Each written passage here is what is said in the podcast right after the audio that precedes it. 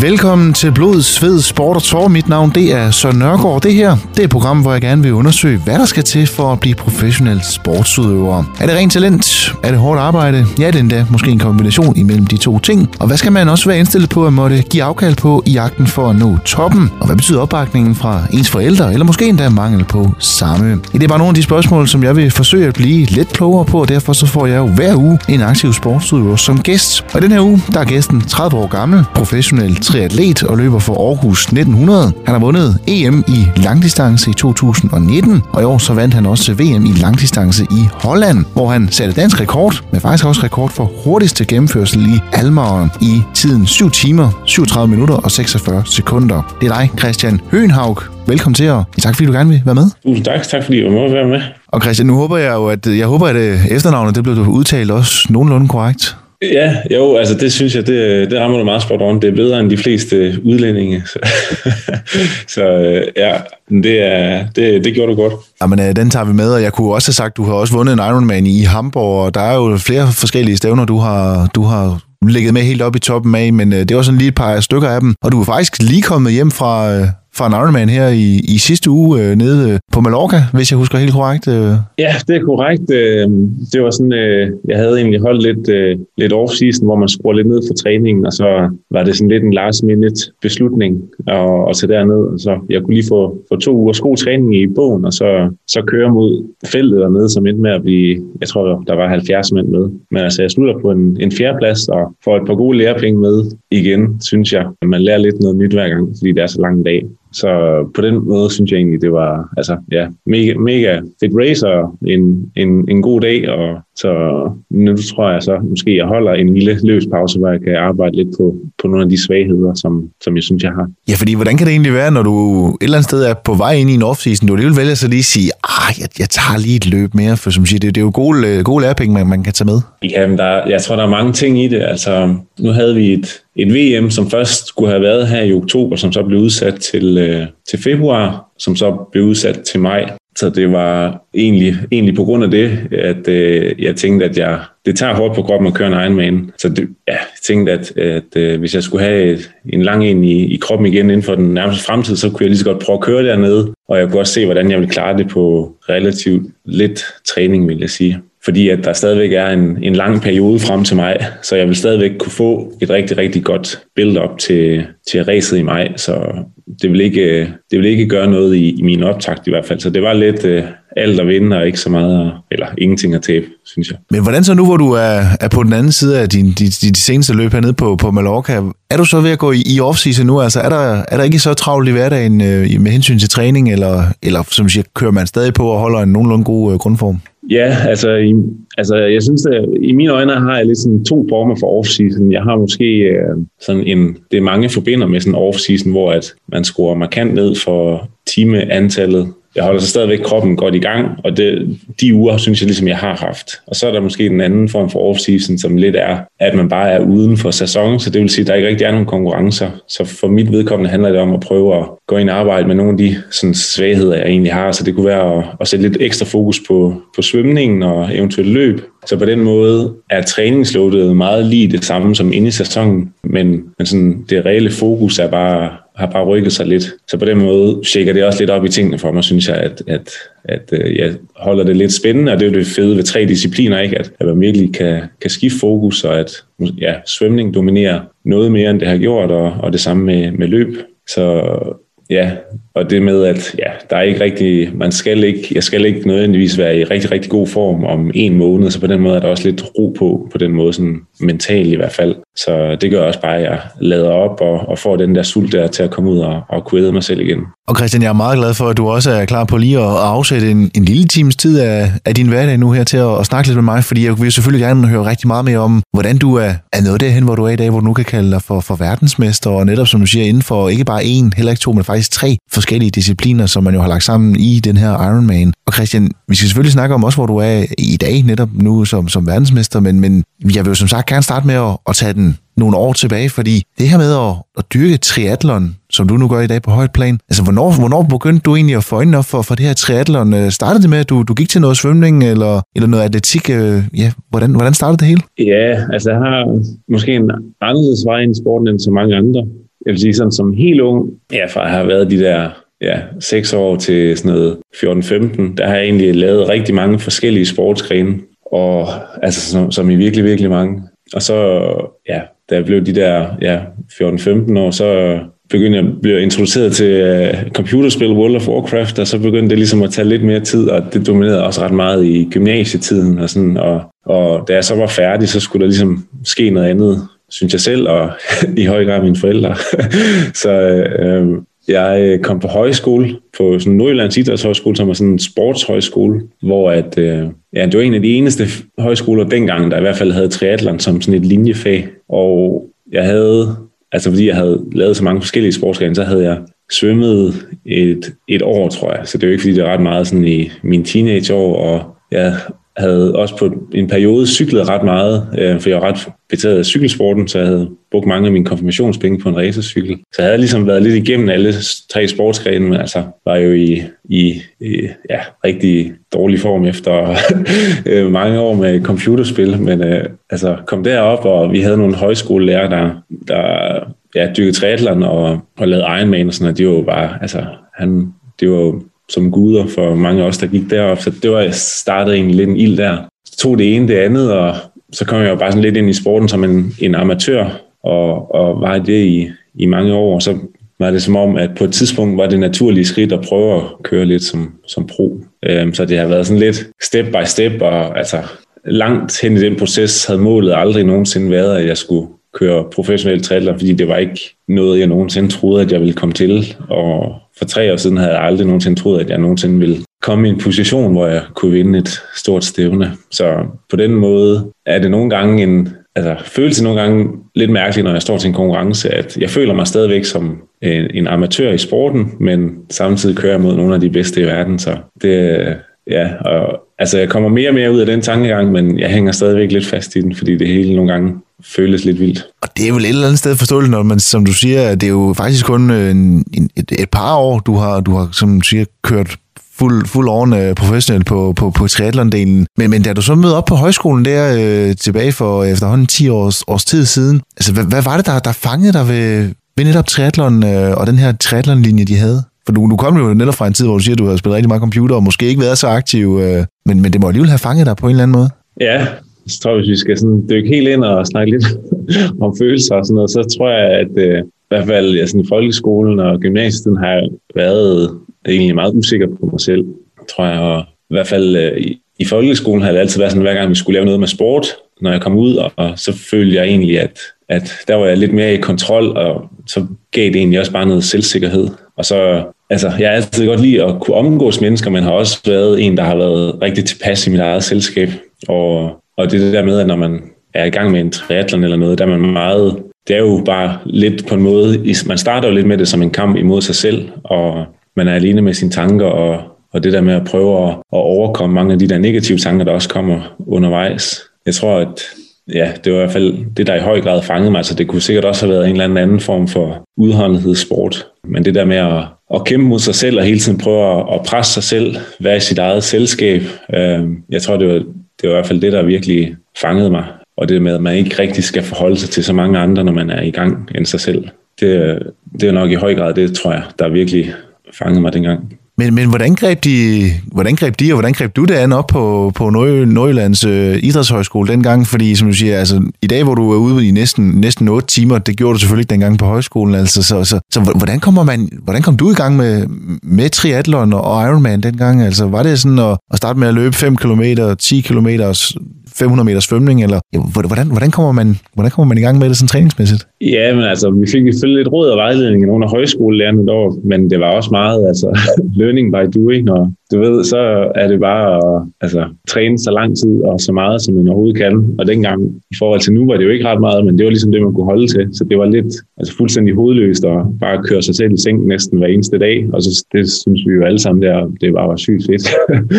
øh, måske ikke nødvendigvis det bedste, men altså, vi gjorde det også lige så meget, fordi vi synes, det var sjovt. Så det var ja, pres hinanden og komme ud over kanten næsten hver gang til, til træning. Og så, ja, altså, så har jeg jo haft øh, et utal af skader, som følge af den måde at træne på godt nok. Men så det hele er blevet lidt mere systematisk efterhånden som årene ligesom gik, men da jeg skulle træne op til min første Ironman i, efter jeg var stoppet på højskolen i 2012, der var det også lidt det samme, altså jeg og min kammerat, som, som gjorde det sammen, vores mål, det var jo lidt bare, at om, hvis vi kom hjem fra en træningsdag, og vi var rigtig trætte, så tænkte vi, om så har vi sgu nok gjort det, det bedste. Og, og, og det var jo lidt den tankegang, vi gik ind til det med, og ja, altså, jeg endte med næsten ikke at, at kunne løbetræne de sidste par måneder op til, fordi vi trænede som hovedløse kyllinger, og, altså, og min kammerat, der han endte med at være løbeskadet i nærmest fem år efter den der Ironman, så altså, vi var fuldstændig ødelagt os selv, men altså, vi synes jo, det var fedt, og øh, ja, så har jeg heldigvis øh,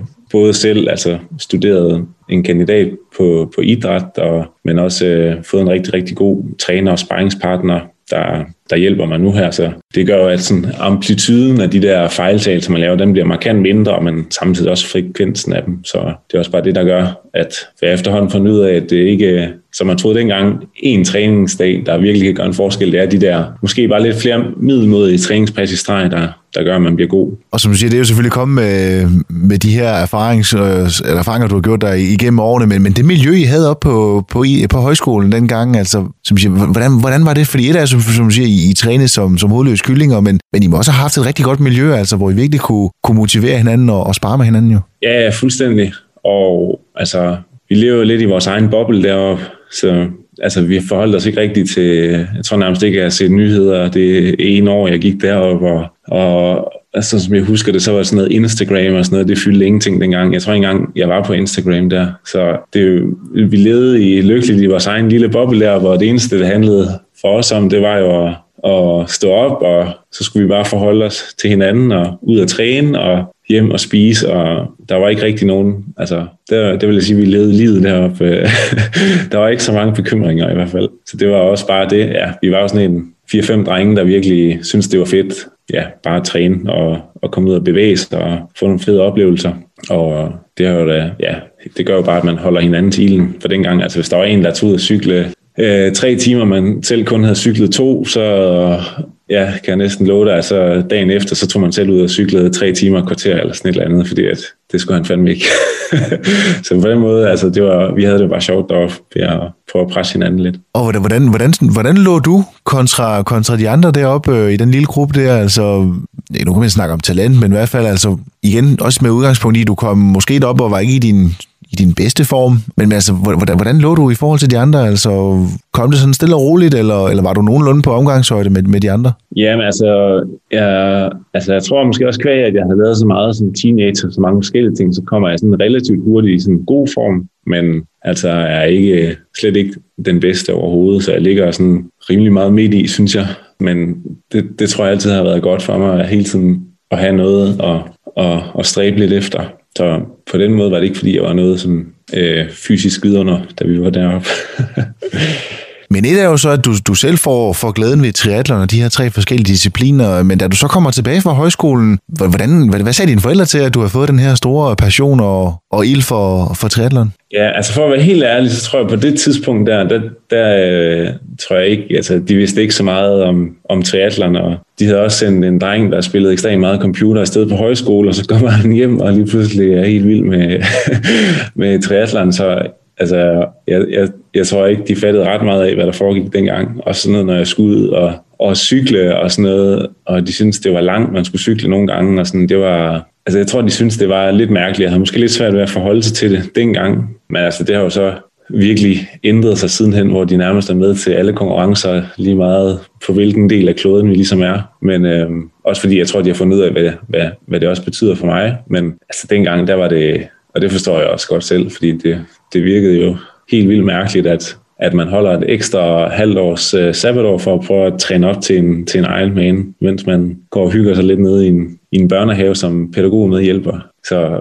ja, det, jeg tror ikke helt, I fattede, hvad der foregik der. Nej, fordi hvordan var det så for dig netop at, at have fået den, den her glæde ved Ironman øh, kvad dit, øh, dit ophold på, på højskole, og så komme tilbage og så egentlig have det lidt for dig selv? Som du siger, forældrene, okay, de vidste godt, du lavede noget og var fysisk aktiv, men, men kunne ikke rigtig måske sætte sig ind i, at du skulle bruge så mange timer på det. Altså, hvordan var det at være, være lidt alene med det? Ja, altså, jeg tror på den måde havde jeg egentlig ikke sådan behov for så helt vildt meget bekræftelse i andre, også fordi at, ja, det var noget, jeg havde med mig selv, og så min, min gode kammerat der, som han boede i Aalborg på det tidspunkt, men jeg tror, vi var sammen nærmest hver weekend, hvor vi så trænede lidt sammen og spiste rigtig meget slik og ja, hyggede lidt på den måde. Så altså, jeg tror bare, vi synes det var, det var fedt, og målet var jo lidt at, at komme op i en god form, hvor man så kunne gennemføre den her. Og så på det tidspunkt tror jeg, at begge to vi tænkte, at så var det nok egentlig bare det.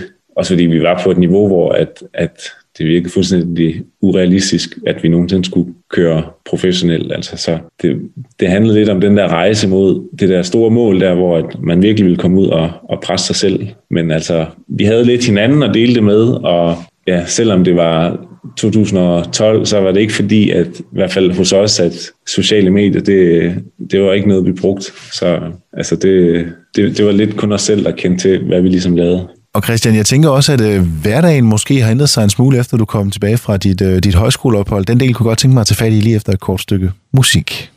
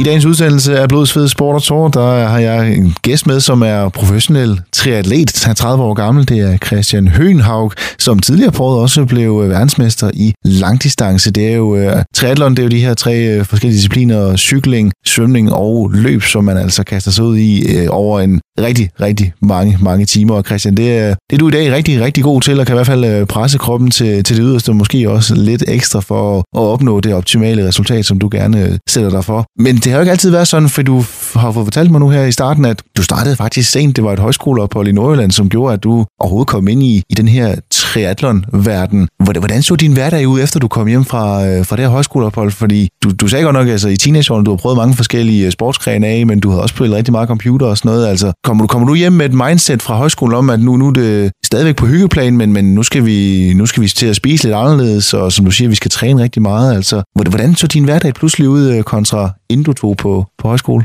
Ja, altså markant mere motion. Jeg, det var ikke, jeg trænede ikke ret mange timer, inden jeg tog afsted på, på højskolen. Og så kan man sige, øh, jamen, træningsmæssigt, det var jo stadigvæk, øh, jeg fik lidt hjælp af min højskolelærer der dengang, men øh, altså, det var stadigvæk meget, altså, det, som, så det var meget, ja, learning by doing, så vi tænkte bare, at vi skulle træne så meget, som vi overhovedet kunne, og, og så blev det sådan lidt, ja, i højre og venstre, synes jeg. Så, men altså, ja, i princippet kunne jeg egentlig godt bare lide at træne. På det tidspunkt var det heller ikke noget problem for mig at sidde fire timer inden for at cykle på en cykel og, og høre noget musik. Det synes jeg åbenbart, det var, det var vildt fedt. Og så jamen, det var vel nok et, et par timers træning hver dag, tror jeg. Måske har jeg på det tidspunkt trænet sådan noget 10-15 timer om ugen, tror jeg. Fordelt lidt ud over alle tre discipliner. Og så Jamen, jeg tror, på højskolen havde vi egentlig bare lært, at man skulle, man skulle spise en masse, når man også trænede en masse, og Måske eskalerede det lidt på nogle punkter, men altså, jeg tror sådan helt seriøst, at jeg på det tidspunkt har spist det nærmest et kilo slik om ugen. Altså det var sådan noget, når jeg fik øh, fri ned i børnehaven, så det første jeg gjorde, det var at gå ned, og så købte jeg sådan 200 gram slikpose, og så kunne jeg spise den på vej hjem, og så kunne jeg ud træne, når jeg kom hjem. Sådan kørte det rimelig meget, og så i weekenderne var det noget med at blande 500 gram blandt selv slik, og sådan, for at være klar til, at vi skulle træne rigtig meget øh, der lørdag søndag. Så sådan diætmæssigt var det egentlig var det ikke noget super prangende, men uh, vi fik der en masse energi ned i hvert fald. Men, men et af du havde de, dine kammerater, og I kunne træne sammen, altså blev du også meldt ind i en, i en klub? Jeg kan jo læse mig til, at du i dag er medlem af Aarhus 1900, øh, men, men er det først nogle år senere, den, den del kommer på, eller hvordan? Uh... Ja, det er så nok næsten sådan noget to-tre år efter. Dengang var jeg egentlig, altså, jeg havde heller ikke... Uh, sådan, aspirationerne i sporten var ikke kæmpe store. Det var lidt egentlig bare at, at, at gennemføre den der Ironman og, og så ligesom kunne tikke den boks af, og så ja, finde ud af, hvad der så skulle ske. Så jeg tænkte også på daværende tidspunkt, at nu havde jeg min kammerat, der jeg kunne træne lidt med, men ellers så kunne jeg egentlig godt klare det hele selv. Det tænkte jeg ikke var noget problem. Altså at ligge og træne så meget alene, det fandt jeg egentlig rimelig stor glæde i, vil jeg sige. Det har så ændret sig lidt siden min perspektiv på det, men, men dengang var det ikke noget problem for mig at, at træne rigtig mange timer alene, og så nogle gange sammen med min uh, kammerat der. Men hvordan, hvordan trænede du så? Fordi du har fået sagt nu, at øh, du brugte rigtig mange timer på det, men igen, det er tre discipliner, som man jo skal, skal holde sig rigtig skarp i. Altså, hvordan, hvordan så dit fokus ud? Øh, var det en uge med mest fokus på cykling, og så en uge med mest fokus på løb, eller, eller hvordan, øh, hvordan, hvordan, ja, hvordan planlægger man sådan en træning? Jamen altså, jeg, jeg havde mulighed for at svømme et par gange om ugen om aftenen sammen med nogle, nogle gamle kraver inden for, for tri. Øh, så kunne jeg lære et par, par tricks til dem, og og ellers så, så var det faktisk lidt bare, der var, altså, der var overhovedet ingen struktur i den træning der. Det var lidt, der, jamen, så kunne det være, at bestemme på dagen for, at jeg skulle cykle tre timer, og øh, så kunne det være, at jeg havde besluttet mig for, at jeg skulle cykle fire timer den næste dag, og så ringede de ned fra børnehaven, og så endte det med, at jeg måske fik cyklet halvanden time i stedet for. Så det var sådan meget øh, ustruktureret, og men altså, når man er så ny i sporten, så kan man sige, så er det næsten lige meget, hvor mange fejltagelser man laver, ved at sige, sådan træningsmæssigt, så bevæger formen sig den rigtige vej. Men altså, altså jeg kunne da mærke, da jeg så kom ind i triklubben og fik en, der ligesom begyndte at styre træningen lidt mere, så eksploderede formen jo også bare på et helt andet niveau. Ja, fordi netop som du siger, altså, nu siger du også noget styrketræning på, altså hvornår, hvornår, hvornår blev den del lagt på? For et er jo, som du siger, at, at træne de her tre discipliner, men, men også styrketræning og måske også det mentale. Altså hvornår, hvornår får du lagt de dele på? Ja, men det er nok først i ja, 2015 egentlig, hvor at jeg begynder at arbejde sammen med en, der hedder Torben, som også stadigvæk øh, har øh, tilkoblet som træner og sådan lidt, øh, ja, vi sparer også meget inden for, for, for træningsfysiologi. Så, men det var først lidt, da han kom ind over, at for eksempel styrketræning begyndte at blive en del af, af programmet, fordi at jeg havde nærmest været løbeskadet on and off, fra da jeg startede med at træne op til min første Ironman og til 2015. Så at få styrketræningen ind, det var ja, en del af, der skulle få pulsbilledet til at, at gå op, for ja, prøve at give lidt mere styrke omkring de steder, hvor jeg var lidt svag, som, som oftest blev lidt overbelastet. Og øh, ja, og det fordi ja, hvis man ikke rigtig kan løbetræne, så bliver man jo heller ikke ret meget bedre til den del. Så ja, det var i hvert fald noget, vi begyndte at få implementeret dengang. Men det er også bare noget, der kræver ekstra meget tid, når man allerede træner tre discipliner og skulle have en fjerde del ind. Så, og det er jo heller ikke nødvendigvis... Altså, jeg synes jo, at det er fedt at cykle og svømme og løbe, men styrketræningsdelen er måske ikke øh, noget, jeg sådan brænder super meget for. Så man skal ligesom også have perspektiverne ind i, hvorfor det kunne være godt at få, få styrketræningen ind. Men netop det her store fokus, der var på de tre discipliner, og så pludselig også noget styrketræning oveni. Altså, hvordan øh, i forhold til din, din omgangskreds, som du, du havde øh, fra, fra inden du kom på højskole også, altså, der må pludselig også have været nogle, nogle, nogle arrangementer, nogle events og sådan noget, du måtte, nogle familiefødselsdage og så videre, du har måtte, måtte sige nej til, eller, eller hvordan øh, fik du, passet, fik du passet det hele ind, eller, eller hvor svær var balancen? Ja, altså dengang øh, fik jeg passet det hele ind, fordi at det netop ikke var, altså jeg, jeg synes jo selvfølgelig, at det, det blev mere federe og federe og dyrke trier, og kunne også se, at jeg blev bedre og bedre, men stadigvæk på et niveau, hvor at jeg var altså meget, meget, meget langt fra, fra noget, der minder om ja, professionelt niveau. Så altså, jeg var der med til ja, alle familiearrangementer og sådan noget, og man har da helt sikkert skåret ned på, altså det er ikke fordi, jeg har drukket særlig meget alkohol, så på den måde har jeg måske skåret ned på sådan nogle arrangementer med, med venner og sådan, men, men har måske også altså stille og roligt, som årene er gået, fået lude lidt ud i, i de forskellige vennegrupper og, sådan, og, og stille og roligt, ja, også fordi jeg, altså, jeg tror, jeg har ændret mig markant fra, hvordan jeg var ved, i folkeskolen og gymnasiet, og endda også sådan lidt på højskolen, og sådan, så man får lidt lude og begynder også selv at, at, at finde nogen, som man klinger godt sammen med. I folkeskole og gymnasie er det som ofte sådan, at du ved, man bliver placeret sammen med en ordentlig bunke mennesker, og så, så skal du finde dem, du svinger bedst med inden for den ramme, ikke? Øhm, hvor at, at jeg begynder at finde nogen med fælles interesser, og sådan, så altså både, både nok en styrke og en svaghed, men jeg er så tilpas snævsynet, at når jeg kaster mig ind i noget, for eksempel tri, eller computerspil, så er det det, der lige så pludselig får det fulde fokus, og så kan jeg måske nogle gange godt glemme lidt alt omkring, øh, og måske også nogle af de venner, der ikke har så meget med sporten at gøre.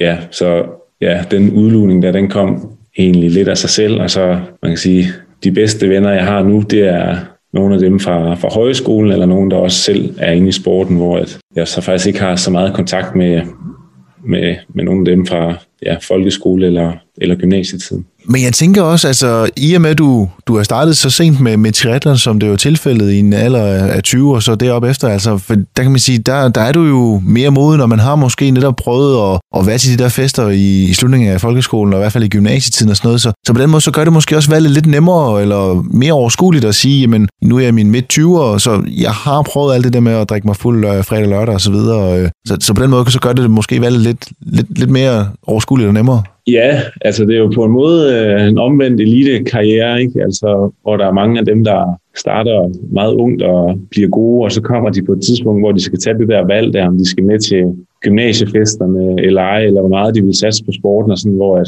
alt det der, det, det er sådan rimelig meget midtet af, så det er ikke noget på det tidspunkt heller, jeg har sådan det store behov for, så det er ikke noget problem for mig at sortere det fra. Det er ikke fordi, jeg føler, at jeg nødvendigvis går glip af noget, og man kan sige, at den omgangskreds, jeg så også begynder at få, er nogen, der lidt har haft den samme rejse, ikke? så man bliver også bekræftet i, at de valg, man tager, de, de er sgu egentlig meget normale, og det er ikke fordi, at der er nogen, der står og peger fingre af en, men hvor jeg godt kunne mærke, at når man var til sådan nogle sammenkomster med nogle af de gamle gymnasievenner, sådan, så bliver der kigget lidt skævt til en, når man vælger ikke at, at drikke en øl øh, og drikke en sodavand i stedet for, eller sådan nogle ting. Men hvor, at, ja, jeg synes også bare sådan generelt kulturmæssigt, det er også noget, der er kommet en meget større forståelse for, men ja, dengang føltes det mærkeligt, når man kom tilbage til, til de gamle vennegrupper og sådan, men hvor at i de nye var, det, var der ja, fuld forståelse for det. Og hvor, hvor lang tid går der egentlig, før du selv øh, netop finder ud af, at du måske har talentet for det, og måske kan drive det her til noget, altså, øh, og, og, og vælge at gå lidt mere all in, end at måske stadigvæk i første omgang på amatørniveau, men at du rent faktisk finder ud af, at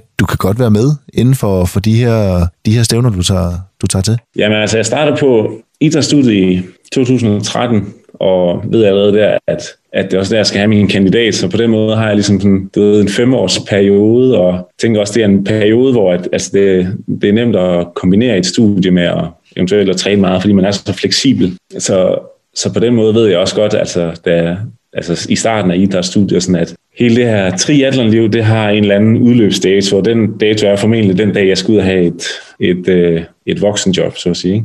Men altså, jeg kan godt fornemme, at, øh, at ja, hvad for en vej det går. Og i, i 2016 er jeg så med til VM i Ironman på Hawaii som amatør, hvor man kører sådan forskellige aldersgrupper, hvor jeg ender med at blive nummer to i min aldersgruppe. Og så på det tidspunkt er målet så at prøve at køre pro året efter i 2017. Øhm, og jeg ved jo, at jeg vil være færdig med mit idrætsstudie i sommeren 2018. Så ja, altså, der tænker jeg, at ja, jeg har et par år, hvor jeg kan blive ved med at stadigvæk at, at træne meget og have meget fokus på triathlon, men samtidig køre studiet ved siden af. Så der tænker jeg ligesom, at okay, udløbsdatoen, det er 2018.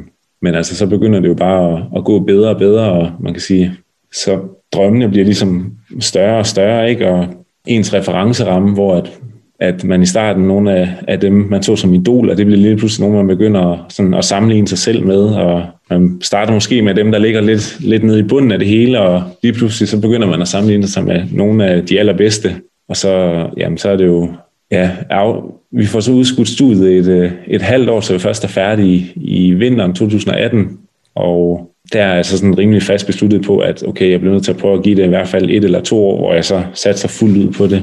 Og så får jeg min første Ironman-sejr i, jamen, allerede et halvt år efter, jeg afslutter mit studie. Så på den måde bliver jeg også bekræftet i, at, at måske er det noget, jeg godt kan komme til at leve af, men, eller i hvert fald, du ved, få det hele til at løbe lidt rundt, så man kan betale huslejen og sådan, men altså, altså, jeg synes næsten meget større er drømmen alligevel heller ikke. Øh, men, øh, og det er ikke fordi, jeg ikke tør drømme, og så, altså, sådan kan det godt lyde nogle gange, men det er fordi, at jeg kommer også bare sent ind i sporten, ikke? Og, og det hele føles så mærkeligt, når man altså, føler sig relativt ung i sporten, ikke? men jeg er trods alt, øh, nu er jeg 30, øh, men føler mig stadigvæk ung i sporten, og jeg er måske også, jeg er jo også, altså kvæg min sådan, træningsalder, sådan ung på den måde, ikke? men ja, det, det føles bare føler næsten ikke, at jeg på det værende tidspunkt kan tillade mig at, at ligesom bede om mere eller drømme om mere, men det går så bare til en vej, og på et tidspunkt bliver jeg kontaktet af et, af et hold, der, der ligesom også vil betale en årlig løn, og, sådan, og så, jamen, det, det er jo helt surrealistisk på det tidspunkt, og så begynder jeg lige pludselig at kunne drømme om, at jeg rent faktisk godt kan leve af at dyrke triathlon. Ja, fordi netop overgangen fra øh, amatør triathlon til professionel triathlon, den del, den kunne jeg godt tænke mig at snakke videre om lige efter et kort stykke musik.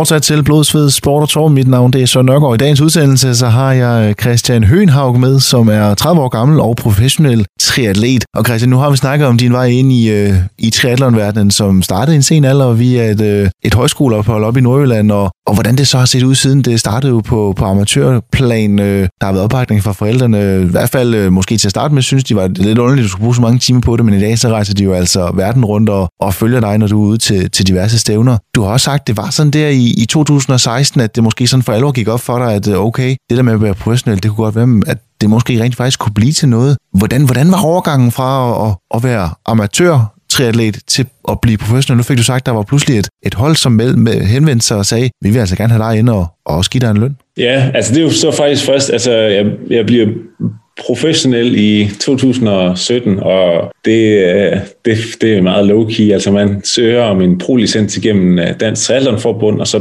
baserer de lidt ud på, hvad for nogle resultater man har lavet, om, om de kan retfærdiggøre, at man skal have den pro-licens. Så det gør så bare, at man kan stille op i pro-rækkerne. Så altså på daværende tidspunkt øhm, er det jo egentlig ikke fordi, at, at der er sådan den helt store forskel. Forskellen ligger nok bare i, at nu skal jeg, nu bliver min referenceramme og sammenligne mig med de andre proer, hvor førhen har det været, at jeg ligesom sammenlignede mig selv med de bedste amatører, og øhm, hvor at, altså, du ved, proerne, dem har jeg set som noget værende i en helt anden verden, og øh, på en måde lidt ignoreret dem, når vi har kørt konkurrencer, fordi at det var alligevel så meget bedre, end jeg var. Men hvordan var, hvordan var, det, så pl- hvordan var det så pludselig at, at skulle konkurrere mod dem? Som siger, nu havde du set op til dem, og du havde været til de samme stævner bare i, en, i en anden kategori. Nu, nu var du pludselig i, i samme felt som dem. Ja, men altså, det var jo surrealistisk og meget angstprovokerende egentlig min største frygt, det var jo, at jeg skulle øh, blive nummer chok i, øh, som, som, som pro, fordi at, øh, altså, der er jo netop ikke, for mig var der ikke den store forskel i, hvordan jeg trænede. Det var lidt bare, om jeg så mig selv som pro eller amatør. Så min største frygt var at, at blive nummer sidst, hver gang jeg stillede op i en konkurrence.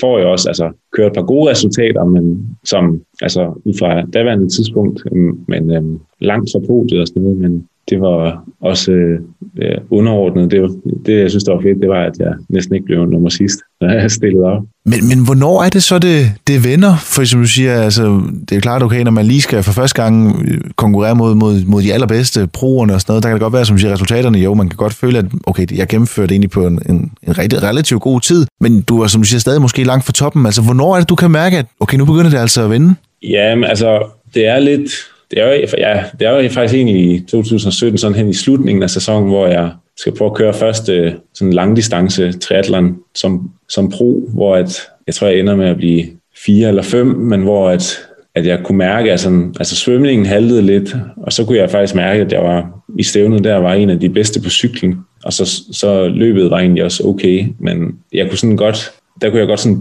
du ved, næsten øh, dufte, at okay, så langt fremme er de heller ikke. Så jeg kan ligesom gå ind i en, i en god vintertræningsperiode med sådan en godt motivationsboost. Og ja, så igennem 2018 går det egentlig også bedre, og man kan sige, at nogle af de konkurrencer, hvor jeg før var sluttet som 6, 5 eller 4, så bliver det lige pludselig bare lige taget et skridt op, så jeg kan mærke, at det ligesom kommer tættere på. Og så, ja, altså i 2019 havde jeg så sat som mål, at jeg skulle køre en, en Ironman nede i i Østrig, hvor at, øh, målet var at, at komme på podiet dernede. Men jeg ender så med at have en øh, helt igennem forfærdelig dag, og øh, ja, jeg lider af ret kraftig sådan græspollenallergi, og jeg tror, at det var noget af det, der spillede ind, så jeg ender med at få sådan en ret forfærdelig dag dernede. Og, og sådan lidt på bagkant, så melder jeg mig til en Ironman tre uger senere, hvor det eneste mål for mig, det er at bevise, at jeg var bedre end det, jeg præsterede dernede. Fordi jeg vidste, at formen var god, men altså, det er heller ikke fordi, at jeg skulle også gerne kunne være i en position, hvor jeg ligesom bare og i det mindste kan gennemføre en Ironman. Så, så det, der sker, det er, at jeg bare stiller op til en Ironman i Hamburg uden nogen forventninger til mig selv, hvor at de havde været tårnhøje til mig selv i ja, tre uger tidligere i Østrig. Og så, jamen, så ender det fandme med, at jeg vinder øh, i en Ironman nede i Hamburg, som altså, havde jeg kunne komme på podiet der, så havde jeg tænkt, at det var det vildeste, der nogensinde kunne ske, og så ender jeg lige pludselig med at vinde. Og øh, ja, der, det var også, der sker også et eller andet mentalt, at altså fra den dag, hver gang jeg stiller op i en konkurrence, så har målet næsten uagtet feltet der at, at komme op på en af de øverste pladser på podiet der. Så det var, det var i hvert fald sådan et ret skilsættende punkt i min triathlon-karriere. Ja, for jeg tager mig lige lidt med tilbage igen til, til Hamburg i 2019. Altså igen, som du siger, ingen forventninger til dig selv, fordi at du, øh, ja, dem havde du for tre uger siden, hvor det så gik helt galt. Men at du så ender med at vinde, altså det må vel også være kommet bag på dig, og som du siger, det har jo virkelig været skældsættende for din, din karriere efterfølgende. Ja, ja, og altså hele racet udspiller sådan, at jeg er lidt bagefter på svømningen, og så tænker jeg, at på den første halvdel af cyklen, der må jeg simpelthen altså, køre så hårdt, som at skulle jeg køre en halv Ironman, så jeg skulle køre en halv distance. Du ved. Jeg får bare tonset afsted og kommer så op til fronten og øh, vælger at sætte mig op i front af gruppen, og så lige pludselig ligger jeg alene og kommer så ind på løbet med et forspring på 5 minutter eller sådan noget, og jeg ved nogenlunde, hvor hurtigt de andre kan løbe.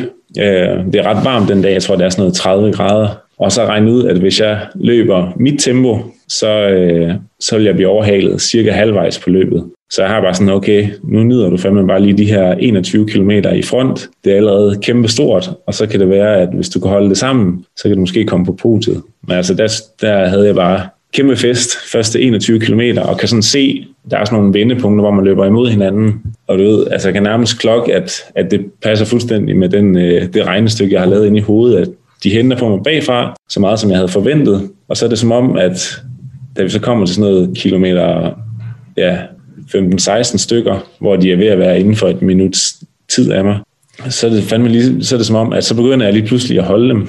Og det gør jeg så i, i nogle kilometer, og så begynder jeg fandme lige pludselig at tage tid på dem, fordi at de begynder at gå lidt ned og begynder at blive lidt trætte.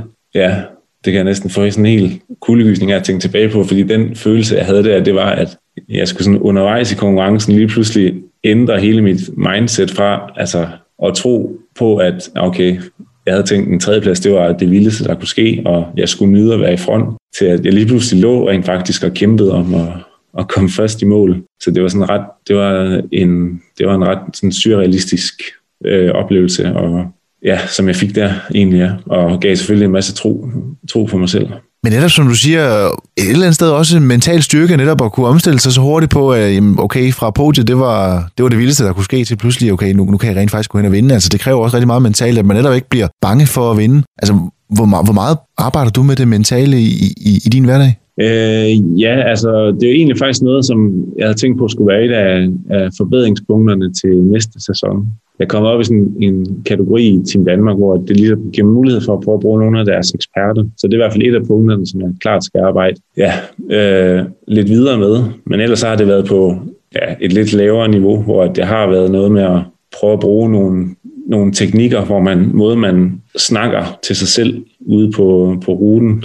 Altså når man begynder at få det hårdt, prøve at bruge nogle, ja, prøve at associere sig selv til, at du ved, man prøver at sige sig selv, at man er stærk som en bjørn, eller stærk som en løve, og prøve at gentage det mantra for sig selv hele tiden, og så prøve at, at distancere sig selv. Så det vil sige, at i stedet for at jeg siger til mig selv, jeg er stærk, så prøver jeg lidt ligesom at, og lidt at gå ud af min krop, og så prøver at tiltale mig selv i, i sådan en du-form, så at jeg prøver at sige, du er stærk, du er stærk som en bjørn, sådan nogle ting.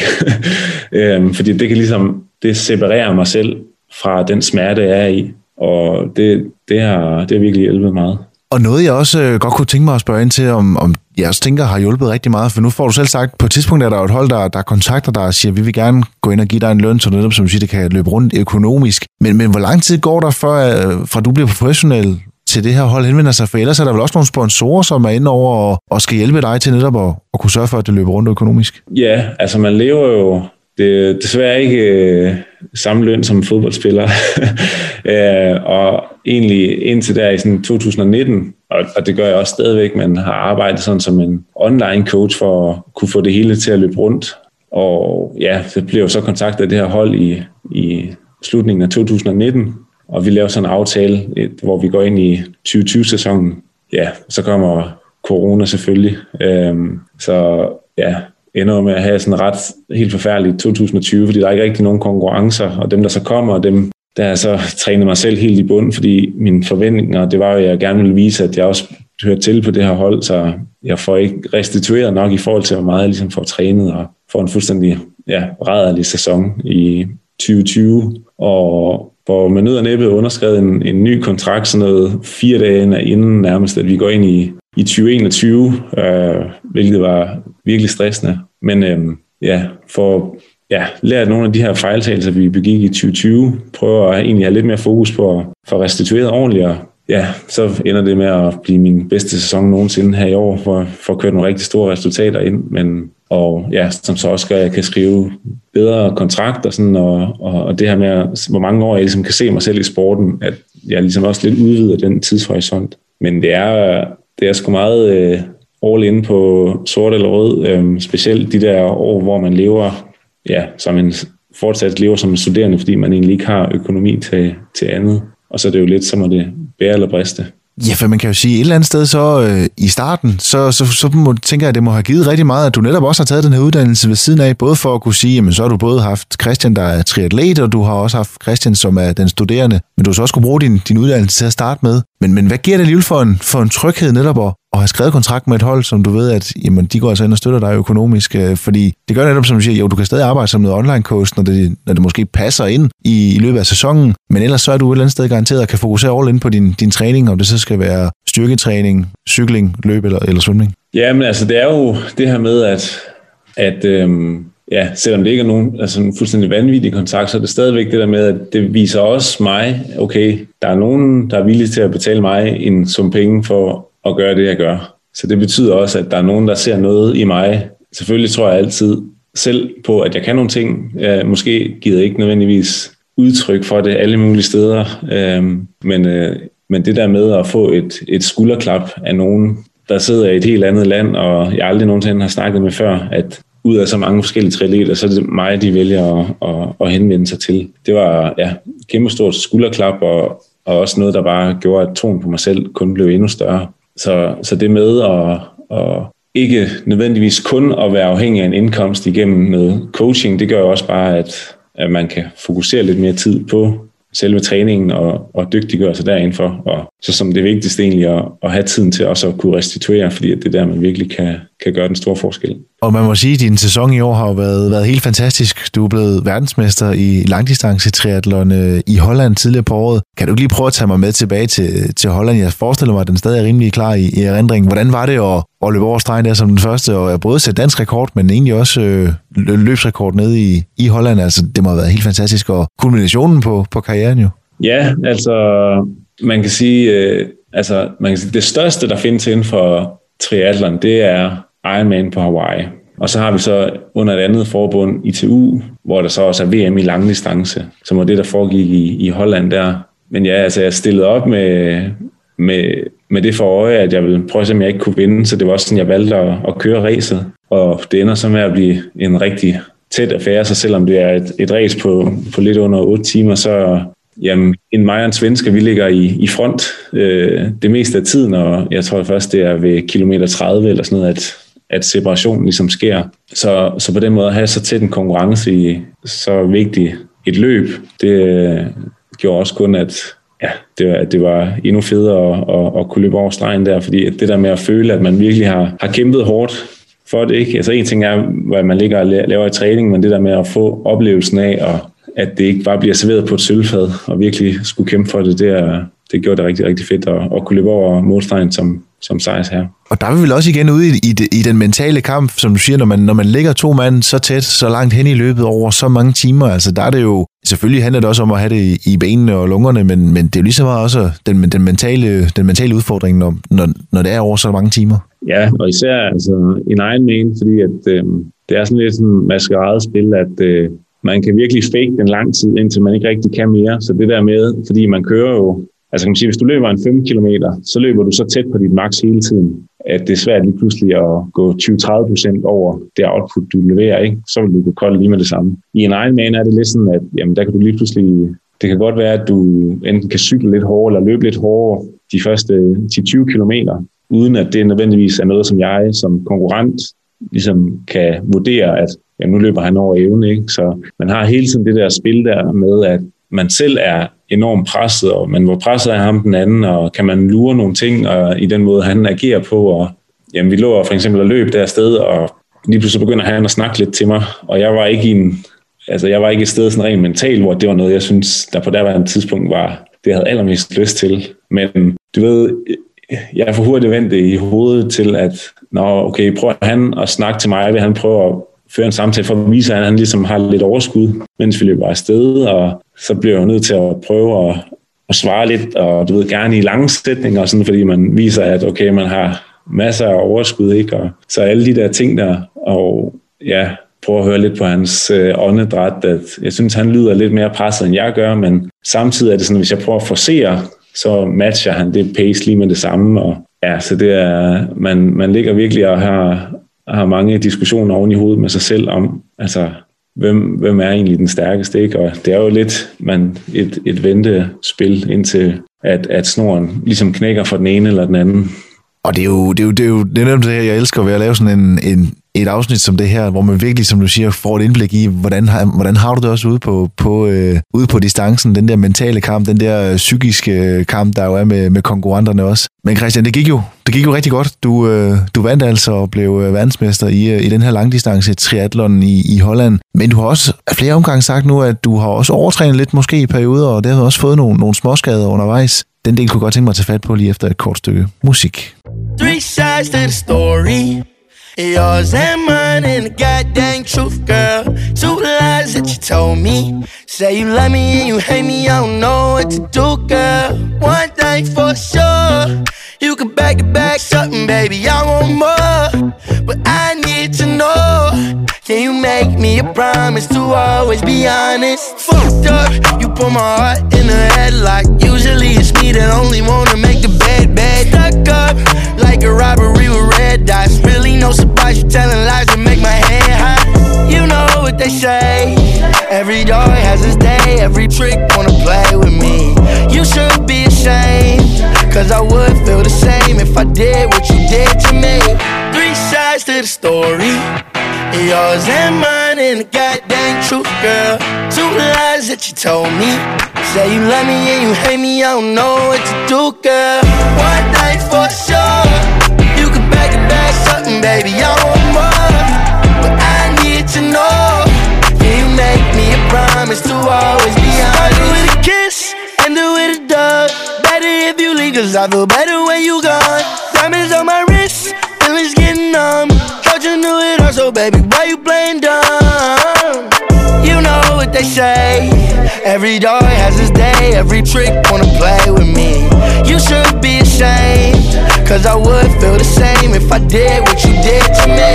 Three sides to the story. Yours and mine and the goddamn truth, girl. Two lies that you told me. Say you love me and you hate me, I don't know what to do, girl.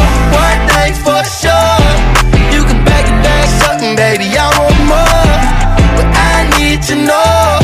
Can you make me a promise to always be honest? Du lytter fortsat til Blod, Sved, Sport og Tår. Mit navn det er Søren Nørgaard i dag med øh, Christian Høenhaug, der er 30 år gammel og professionel triatlet. Og Christian, vi har vendt din øh, karriere fra, fra begyndelsen i, i en alder af en, af en 20 år på en højskole i, i Nordjylland, og så øh, frem til i dag 10 år senere, hvor du nu er ja, med helt op i, i verdenseliten. Det startede på, på amatørniveau, men det, de seneste par år siden, 17-18 stykker, der har du, der har du været professionel, og, dermed altså kunne, kunne kæmpe med op på allerhøjeste niveau. Du har sagt, selvom det går rigtig godt, og der har været rigtig store resultater undervejs, senest med, med verdensmesterskabet i, øh, i langdistancetriathlon tidligere på året, så har du også sagt, at der har været nogle perioder, hvor du måske har trænet lidt for meget, øh, lidt med måske hovedet under armen, og det har ført til nogle skader. Jeg kunne godt tænke mig at høre lidt mere inden omkring de her, de her skader og, og nedture, der har været undervejs. Altså, hvor mange har der været af dem, og, og i hvor, hvor, hvor slem karakter har det været? Ja, det, der står klarest for mig i hvert fald, det har været i øh, 2018, så, så min anden sæson som pro i ja, sådan noget foråret, sådan noget omkring april, hvor jeg egentlig på altså har et, et rigtig godt øh, billede op til en Ironman, jeg skal køre, men lige pludselig kan jeg også mærke, at tingene begynder at gå lidt den forkerte vej, men bliver ved med at presse igennem og, og kan mærke sådan ting som, du ved, humøret er nedadgående, sexlysten og sådan nogle ting, at, at det begynder at, at gå den vej. Og øhm, jamen, jeg er så over og kører en Ironman over i Texas og kommer hjem og træner videre. Og jamen, så begynder jeg egentlig bare lige pludselig at få det helt vildt dårligt. Altså, jeg, i løbet af et par få dage begynder min krop sådan at, at tilbageholde væske. Og jeg, altså, jeg tror, jeg, jeg tager sådan noget 3-4 kilo på i løbet af et par dage, fordi min krop bare holder på væsken. Og øhm, ja, hele min krop er fuldstændig hævet. Jeg ligner sådan en anden Michelin-mand. Og ja, det ender med, at, at jeg faktisk bliver indlagt på Skyby sygehus, fordi at de tror, jeg har en øh, blodprop i benene, tror jeg det er, sådan et eller andet med. Så kan man godt begynde at tilbageholde væske på den måde, og ja, jeg bliver scannet godt igennem, og også i lungerne, fordi at hvis man har sådan en i benene, så kan den løsne sig og sætte sig i lungerne, og så kan det blive virkelig farligt. Men øh, ja, de finder sig ikke noget, og jeg tror, jeg, jeg ved ikke, om jeg, jeg tror, jeg ligger deroppe halvandet døgn eller sådan noget, du ved, hvor jeg ligger he, helt stille og ikke rigtig laver noget. Og jeg, i, imens jeg ligger deroppe, så skal jeg jo nærmest bare lige pludselig, altså efter den ene dag, jeg har lagt der helt stille, begynder at tisse helt vildt meget, og får ligesom lige pludselig tisset meget af den her væske ud, og ja, så tror jeg egentlig, vi kommer til den konklusion, at det på en eller anden måde har været en eller anden stressreaktion, som kroppen var igennem, og ja, har mange uger derefter, hvor jeg er fuldstændig flad og ikke træner særlig meget, hvor fokus ligesom bliver at prøve at komme ovenpå. Så det var i hvert fald en, øh, det var også et tidspunkt, hvor jeg faktisk var, altså der var jeg ret tæt på at stoppe med at dyrke tri. Øhm, fordi det synes jeg ikke, det havde været fedt i rigtig mange måneder. Det er jo klart nok, at, at hvis jeg har trænet mere, end jeg kunne restituere fra, så er det ja, lidt kørt i en retning, og på et tidspunkt så sådan hele ens sådan hormonel balance kommer ud af, ja, ud af synk, ikke? og der sker en eller anden voldsom stressreaktion i kroppen, og ja, man kan ingenting i træning, og, og, og jeg tror sådan også humørmæssigt, at vi sikkert også hen af et eller andet, der minder om depression, fordi at kroppen bare er træt. Så det er i hvert fald, det er nok sådan i ja, den mest voldsomme grad, jeg har oplevet det. Og så har jeg oplevet det et par gange siden, uden, sådan specif- uden at kunne specificere sådan datoerne, men hvor at jeg har kunne mærke, at jeg var på vej ind i noget af det samme, hvor at ja, vi kvæg erfaringen så har, har stoppet i tide, og ikke, øh, ikke noget helt derud. Så det er, og nu synes jeg efterhånden, at nu kan jeg mærke det rigtig tidligt i, i forløbet, så at, at, at jeg ja, som regel kan afværge det der i, i løbet af et par dage, i stedet for at det er noget, der skal tage, tage mange, mange uger og, og komme ovenpå. Så det er ja, i hvert fald noget, hvor jeg har fået ekstremt meget respekt for, og, og ved også, hvor, ja, hvor gralt det, det kan gå. Men alligevel sådan en oplevelse, hvor du jo, ja, som du siger, egentlig mister lysten til både at, at dyrke triathlon, og så også ja, faktisk at blive indlagt på, på Skype sygehus. Hvad, hvad gør du alligevel i sådan en situation for at, at holde humøret op og, og få troen tilbage på, at jamen, okay, jeg, jeg,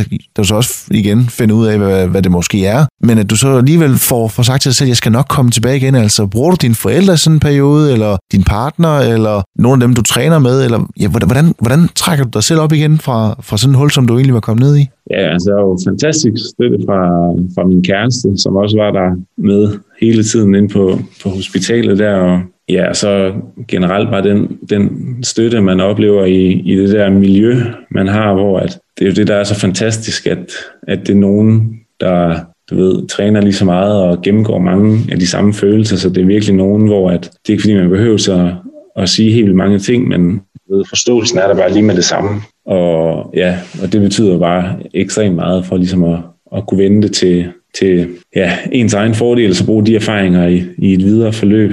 Ja, og så ja, selvfølgelig forældrene, der altid er, er støttende på det der helt basale og helt fantastiske øh, niveau, at man kan komme hjem og, og få noget varm mad og en krammer, hvis det er det, man har brug for. Så det er sådan lidt ja, hele pakken, hvor der er nogle af de forskellige dele, der, der kan noget forskelligt. Og, og selvfølgelig er det sådan en, en, en voldsom oplevelse, men da jeg så også ligesom kom ud af det, ved, og blev frisk, og i, i gods øjne blev mig selv igen, så, så kom jeg også tilbage til den gamle Christian, ham der virkelig gerne ville dyrke tri, og også havde nogle drømme for, hvad han gerne ville opnå inden for sporten. Så, så det, det kom egentlig, ja, det kom lidt af sig selv, da jeg ligesom kom ovenpå igen. Ja, for du kom nemlig ovenpå igen og har også efterfølgende dyrket triathlon på rigtig højt niveau og også opnået rigtig store resultater, som, du også har, som vi også har været inde på tidligere. Christian, tiden den er desværre ved at løbe fra os, men øh, jeg vil gerne have stillet dig mange flere spørgsmål, men det må blive en anden gang. Jeg har lige et spørgsmål tilbage, inden vi, vi slutter for i dag. Fordi jeg kunne godt tænke mig, hvis du nu skulle give et råd videre til, til unge mennesker, som, øh, som også de måske lige er begyndt at dyrke triathlon, om det så er i teenageårene eller start 20'erne som, som dig selv. Hvad, hvad er det bedste råd, du kan give videre til, til unge folk, som, som dyrker triathlon, eller, eller lige begyndt på det i hvert fald? Det er at huske at, at have det sjovt med, med det, man, man render og laver, og det skal som regel næsten altid være det, der, der driver lysten. Og så er der ingen grund til at stresse over noget, og sådan er det med mange ting her i livet, at, at kan man gøre en lille indsats hver dag, så er det langt bedre end at brænde helt ud på enkelte dage. Så det der med at huske at nyde processen, og alle gode ting her i livet, de tager, de tager tid. Og det er et fantastisk råd at give videre her til slut, Christian. Så vil jeg bare sige igen mange tak, fordi du gerne vil være med, og så må du have fortsat rigtig meget held og lykke med, med din karriere. Tusind tak.